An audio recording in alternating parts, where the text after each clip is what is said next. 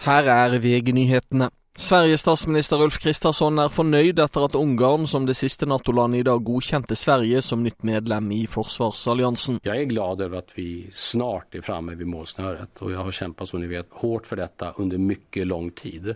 Palestinernes president Mahmoud Abbas godtar regjeringens avgang, opplyser presidentkontoret. Palestinernes statsminister og resten av regjeringen proklamerte i dag overraskende at de går av. Kommunestyret i Karasjok krever stans i planarbeidet for vindmøller i nabokommunen Porsanger, skriver Sagat.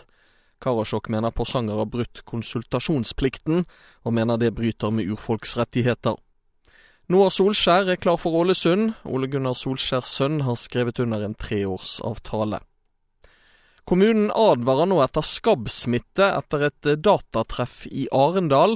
Reporter Andreas Hagen Håkonsen har mer. To personer har fått påvist skabbsmitte etter Agderlan i Arendal, skriver Agderposten. Kommunen ber alle som deltok på treffet om å være oppmerksomme på symptomer. I alt deltok rundt 230 ungdommer fra hele Sørlandet, samt rundt 80 frivillige i Hisøyhallen i løpet av dagene arrangementet varte.